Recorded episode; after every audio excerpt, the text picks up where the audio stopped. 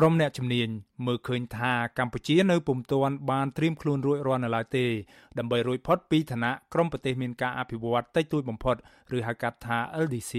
បើទោះបីជាទិន្នន័យសេដ្ឋកិច្ចបង្ហាញថាប្រទេសនេះអាចបំពេញតាមលក្ខខណ្ឌគ្រប់គ្រាន់ដែលអាចចាត់ទុកថារួចផុតពីឋានៈនេះយ៉ាងណាក៏ដោយ ការនៅមិនទាន់ត្រៀមខ្លួនរួចរាល់នេះគឺដោយសារតែកម្ពុជាកំពុងជួបនៅវិបត្តិ COVID-19 ដែលធ្វើឲ្យសេដ្ឋកិច្ចធ្លាក់ចុះដុនដាបធ្ងន់ធ្ងរមិនធ្លាប់មានពីមុនមក ហើយអាចត្រូវចំណាយពេលយូរដើម្បីស្ដារសេដ្ឋកិច្ចជាតិឡើងវិញឲ្យបានដូចកាលពីកម្រិតនៅមុនពេលជួបវិបត្តិ COVID-19 នេះក្រៅពីនោះកម្ពុជាក៏ទំនងជានៅចង់ទទួលបានអត្ថប្រយោជន៍ពីឋានៈប្រទេសមានការអភិវឌ្ឍតិចតួចបំផុត LDC នេះនៅឡើយ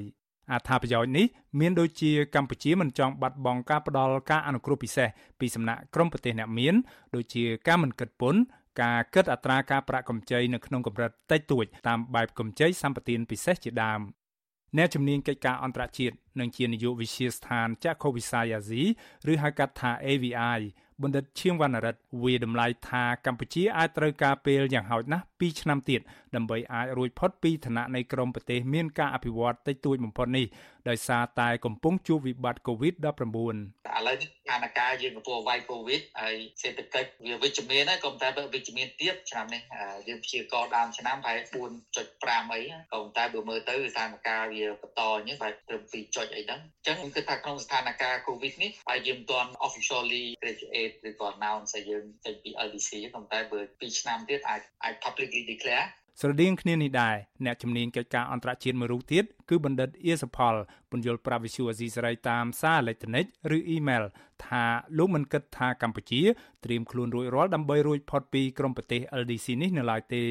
ដោយសារតែកម្ពុជាត្រូវការពេលវេលាច្រើនតទៅទៀតនៅក្នុងការទទួលបានអត្ថប្រយោជន៍ពីឋានៈមួយនេះលោកប៉ាន់ស្មានថា ពេលវេលាដែលសមស្របបំផុតគឺអាចនៅចន្លោះរវាងពី2ទៅ3ឆ្នាំខាងមុខទៀតឬមួយក៏អាចថារហូតដល់ទៅមួយទសវត្សរ៍ទៀតឯណោះក៏ថាបាន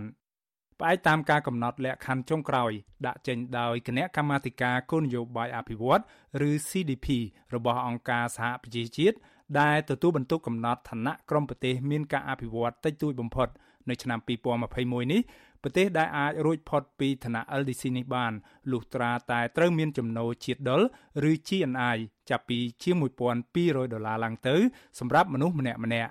ក្រៅពីនោះក៏នៅមានលក្ខខណ្ឌមួយចំនួនទៀតដូចជាកត្តាសន្ទុះមូលធនមនុស្សពាក់ព័ន្ធនឹងការអប់រំនិងសុខភាពនិងសន្ទុះភាពងាយរងគ្រោះផ្នែកសេដ្ឋកិច្ចនិងបរិស្ថានជាដើមយោងតាមការវិតម្លៃចុងក្រោយរបស់គណៈកម្មាធិការរបស់អង្គការសហប្រជាជាតិនេះដែលធ្វើឡើងនៅរៀងរាល់3ឆ្នាំម្ដង ទិន្នន័យក្នុងឆ្នាំ2021បង្ហាញថាជាលើកដំបូងក្នុងប្រវត្តិសាស្ត្ររបស់ប្រទេសកម្ពុជា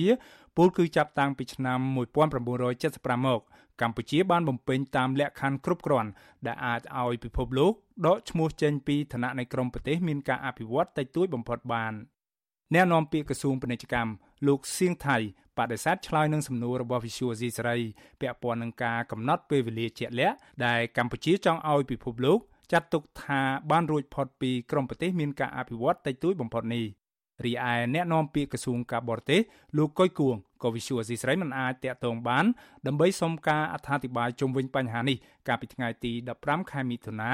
ដោយលោកពុំលើកទូរស័ព្ទទោះយ៉ាងណាថ្លែងក្នុងសិក្ខាសាលាតាមប្រព័ន្ធវីដេអូស្ដីពីផលប៉ះពាល់នៃការចាក់ចេញពីប្រទេសអភិវឌ្ឍតិចតួចមកលើវិស័យវាយនភ័ណ្ឌនិងសម្លៀកបំពាក់កាលពីដើមខែឧសភាកន្លងទៅ មន្ត្រីជាន់ខ្ពស់ក្រសួងពាណិជ្ជកម្មលោកពេជ្ររិទ្ធីបានទទួលស្គាល់ថាការចាក់ចេញពីឋានៈនៃក្រមប្រទេសអភិវឌ្ឍតិចតួចនេះអាចធ្វើឲ្យកម្ពុជាត្រូវប្រឈមនឹងភាពលំបាកលំបិនផ្នែកសេដ្ឋកិច្ចលោកថាក្នុងនោះផលប៉ះពាល់មានដូចជាការបាត់បង់នូវភាពអនុគ្រោះពន្ធលក្ខខណ្ឌនៃប្រភពដើមកំណើតទំនិញភាពតាក់ទាញសម្រាប់ការវិនិយោគភាពប្រកួតប្រជែងរបស់កម្ពុជាព្រមទាំងឱកាសក្នុងការទទួលបានជំនួយពាណិជ្ជកម្មជាដើម លោកថាដើម្បីដោះស្រាយបញ្ហាប្រឈមទាំងនេះបានកម្ពុជាត្រូវពង្រឹងភាពប្រកួតប្រជែងពង្រីកទីផ្សារនាំចេញតាមរយៈកិច្ចព្រមព្រៀងពាណិជ្ជកម្មសេរីទ្វេភាគី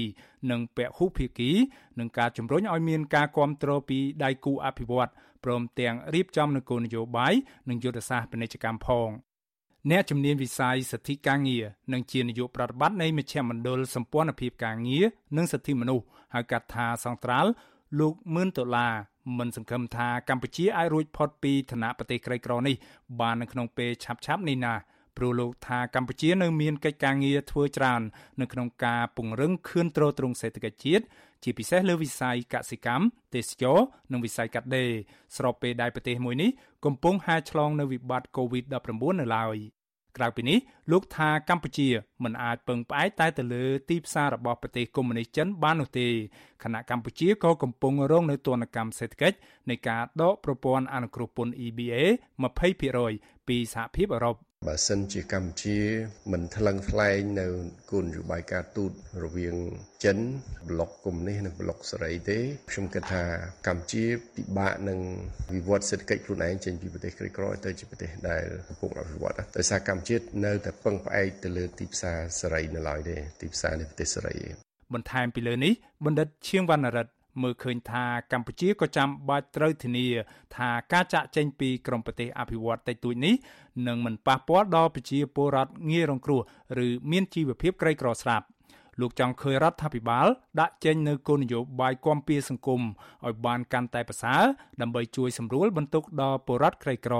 ពិបាកមិនពិបាកវាអាស្រ័យទៅលើកត្តាខាងក្នុងគឺការកំណែតម្រង់កំណែតម្រង់សំខាន់ដើម្បីជួយអ្នកដែលថា vulnerable group ជនក្រីក្រហ្នឹងគឺអា social protection របបគោលនយោបាយគាំពៀសង្គមបើយើងដាក់លុយឲ្យច្រើនទាក់ទង social protection ហើយ invest ទៅលើហៅ impact investment ឲ្យច្រើន impact investment ហ្នឹងគឺការវិនិយោគជាសាធារណៈក្តីឬក៏ឯកជនក្តីដែលមានផលប៉ះពាល់វិជ្ជមានទៅដល់សង្គមហើយនិងបរិស្ថានបើយើងកំណែតម្រង់តម្រង់ទិសទៅ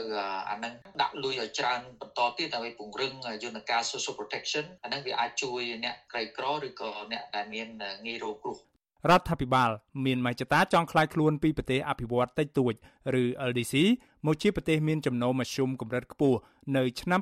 2030និងខ្លាយជាប្រទេសមានចំណូលខ្ពស់នៅឆ្នាំ2050ក៏ប៉ុន្តែរូបភាពនៃពលករចំណាកស្រុកខ្មែររាប់លានអ្នកអត់ការងារធ្វើនៅក្នុងស្រុករួចរត់ទៅធ្វើការងារស្របច្បាប់និងខុសច្បាប់និងធ្វើជាអ្នកសុំទានគេនៅតាមប្រទេសជិតខាងហើយត្រូវអាជ្ញាធរបរទេសចាប់បញ្ជូនមកកម្ពុជាវិញស្ទើរតែរាល់ថ្ងៃនោះ កំពុងតែធ្វើឲ្យរដ្ឋាភិបាលរងនៅក្តីអាម៉ាស់នៅលើឆាកអន្តរជាតិបន្ថែមពីនេះទៀតពលរដ្ឋកម្ពុជាជាង2លាន4សែនគ្រួសារក៏កំពុងជាប់ជំពាក់បំណុលមីក្រូហិរញ្ញវត្ថុស្ទើរវ៉ាន់កក្នុងម្នាក់ម្នាក់មិនតិចជាង4000ដុល្លារអាមេរិករីឯរដ្ឋវិញគិតត្រឹមដំណាច់ឆ្នាំ2020 រដ្ឋជំពាក់បំណុលបរទេសសរុបប្រមាណជាង9600លានដុល្លារហើយក្នុងនោះបំណុលស្ទើរតែជិតពាក់កណ្ដាលឬស្មើនឹងប្រមាណជាង